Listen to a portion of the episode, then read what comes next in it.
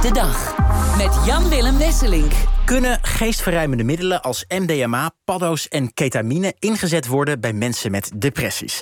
Minister Kuipers van Volksgezondheid wil dat, als het gaat om MDMA, in ieder geval verder gaan onderzoeken. Het gaat echt om medicinaal gebruik. Dit is potentieel zeer veelbelovend. Ik heb uh, ook een paar patiënten gesproken, waar mm. indrukwekkende verhalen van mensen die al zeer langdurig bijvoorbeeld uh, ernstige depressie hadden. En vertelden over hoe ze onder begeleiding ja, daar toch uh, enorm van opknapt. Ja, moeten stoffen die we vooral kennen als partydrugs vaker ingezet worden bij psychische problemen? Daarover ga ik praten met Hester van Dijk. Zij had zelf last van depressies en gebruikt nu twee keer per week ketamine. Haar psychiater is op afstand bij ons, hoogleraar Robert eh, Schroevers van het UMC in Groningen.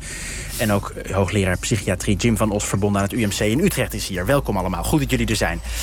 Mevrouw van Dijk, um, om bij u te beginnen. U kreeg uh, 20 jaar geleden een hele zware uh, depressie. Uh, eventjes voor een overzicht. Wat voor therapieën en medicijnen heeft u in de tussentijd geprobeerd om daarmee te dealen? Uh, ik heb alle vormen van therapieën gehad. Alle medicijnen gebruikt die daarvoor mm -hmm. voorhanden zijn. Ja. En ehm, nou, aan het eind van die 20 jaar uh, zag ik het niet meer zitten, heb ik een uh, poging gedaan om eruit te stappen. Mm -hmm. Daarna heb ik uh, elektroconvulsietherapie gekregen, 18 behandelingen. En dat werkte niet bij mij, dus dat is gestaakt en ik was uitbehandeld. Ja, en wanneer kwam ketamine toen op uw pad als mogelijke oplossing? Daarna kwam het, werd het bekendgemaakt. Ik heb het ook gezien via een bericht van een huisarts. Die had een stuk geschreven in de Volkskrant. Mm En toen ben, bij het UMCG ben ik toen uh, uh, daarvoor in aanmerking gekomen. En uh, ben ik daarmee begonnen. Als onderdeel van een onderzoeksproject? Kunt u omschrijven? Nee, nee okay. het onderzoeksproject was al voorbij. Mm -hmm. die was al gesloten. Oké, okay, ja. en daarna mocht u daaraan meedoen. Ja. Wat doet ketamine met u als u dat twee keer per week gebruikt? Wat voor effect heeft het? Nou, het heeft een uh, wereld van verschil zoals ik uh, die twintig jaar daarvoor was. En hoe het nu met de ketamine gaat is het een wereld van verschil. Ik heb weer uh, redelijk mijn eigen leven teruggekregen. En ik kan weer genieten van de dingen thuis. Creatief zijn. En dat was helemaal weg. Ja. Uh, Robert Schroevers, u bent de behandelend psychiater van, van mevrouw Van Dijk. Um, ziet u meer van dit soort positieve resultaten? Of staat het verhaal van mevrouw Van Dijk op zichzelf? Nee, het verhaal van mevrouw Van Dijk, goedenavond trouwens, staat zeker niet op zichzelf. -huh. um, je ziet steeds meer vanuit onderzoek dat een behoorlijk deel van de mensen en vooral patiënten, eigenlijk dit onderzoek wordt vooral gedaan bij patiënten met hele ernstige psychische stoornissen die onvoldoende hebben gereageerd op bestaande behandelingen. Ja. En um, helaas, maar dat verwacht je ook zeker niet bij iedereen.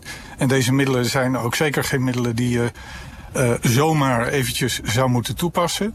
Maar uh, de effecten die we bij een aantal mensen zien, zijn ja, zo veelbelovend en zo ook echt anders dan de behandelingen die we tot nu toe zeg maar beschikbaar hebben. Ja. Dat wij denken dat het heel erg de moeite is om dit verder te onderzoeken en als dat zo positief blijft, ook te gaan toepassen. U zegt ook, we doen het na andere middelen. Is het een soort van laatste redmiddel in de psychiatrie?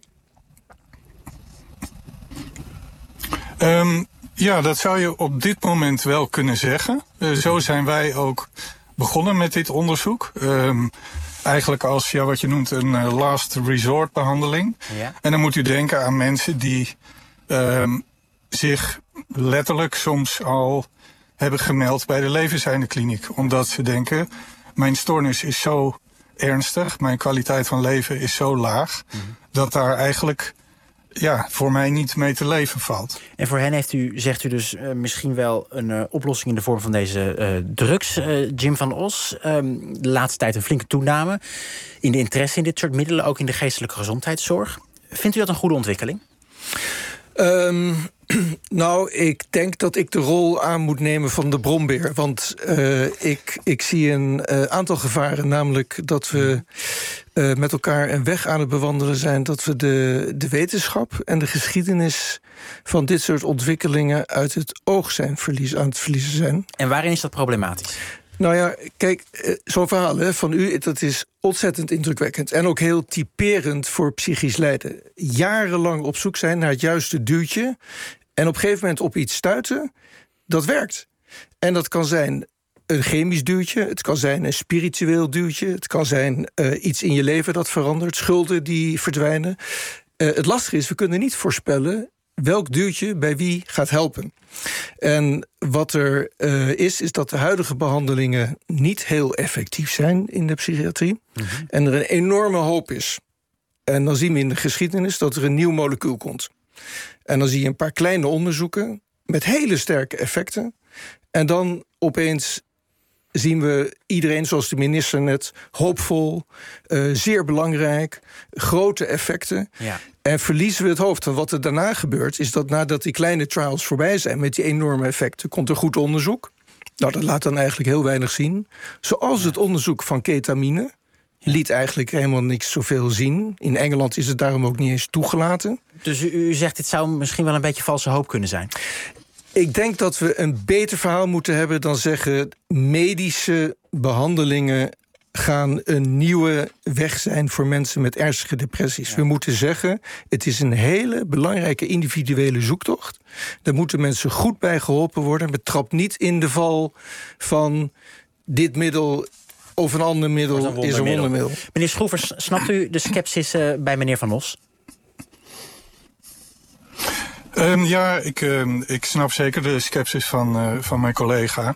En ik denk dat het ook goed is om heel kritisch te kijken naar wat zo'n ontwikkeling um, behelst. Mm -hmm. En ik denk ook dat het klopt dat je in een veld geneigd bent om heel erg blij te zijn als zich iets nieuws aandient wat veelbelovende effecten heeft. Maar ik denk ook tegelijkertijd dat uh, collega Van Os het heel erg plat slaat. Want uh, het verleden is niet hetzelfde als de toekomst. En wat wij nu juist proberen is om uh, op grote schaal heel degelijk onderzoek te doen. Uh, we lopen daarbij niet aan de, uh, om, om, die komt waarschijnlijk zo meteen. We lopen, we lopen daarmee niet aan de leiband van de industrie. Het gaat niet om commerciële belangen. Maar het gaat erom om mensen inderdaad, en dat duwtje is een serieus duw voor mensen.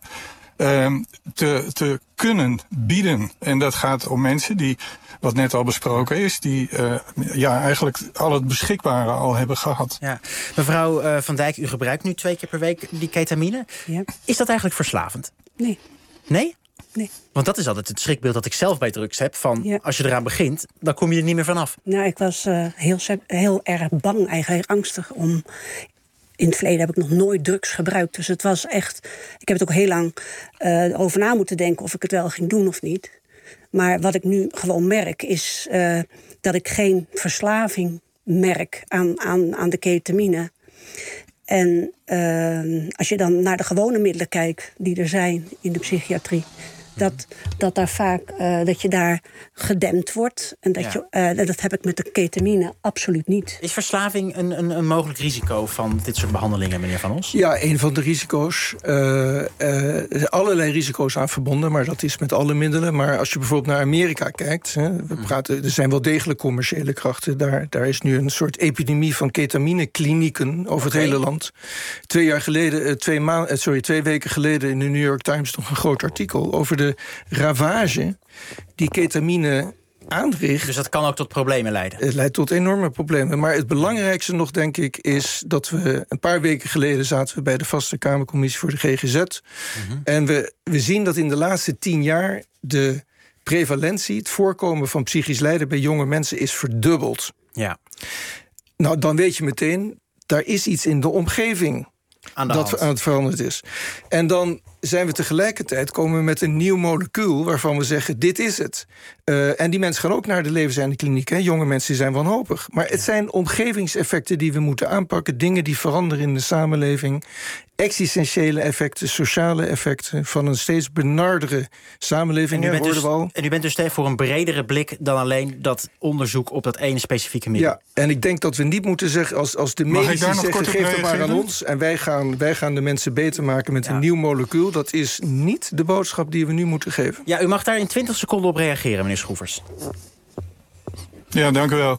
Nou ja, ik denk dat ook hier je het risico loopt om het kind met het badwater weg te gooien. Um, Natuurlijk is leefomgeving, sociale omstandigheden zijn belangrijk dat, voor ziekte. in vijf seconden maar je gaat tegen mensen met kanker. Kan onderzoek kwaad, meneer Van Ons? Nee, onderzoek kan helemaal geen kwaad. Mits, mits, en dat is de beste manier, je onderzoek doet... niet alleen door de pro-mensen, maar door een combinatie van de pro- en de contra-mensen zoals ik. Oké, helder. En een eerste debat daarover hebben we dus gevoerd. Dank voor dit gesprek.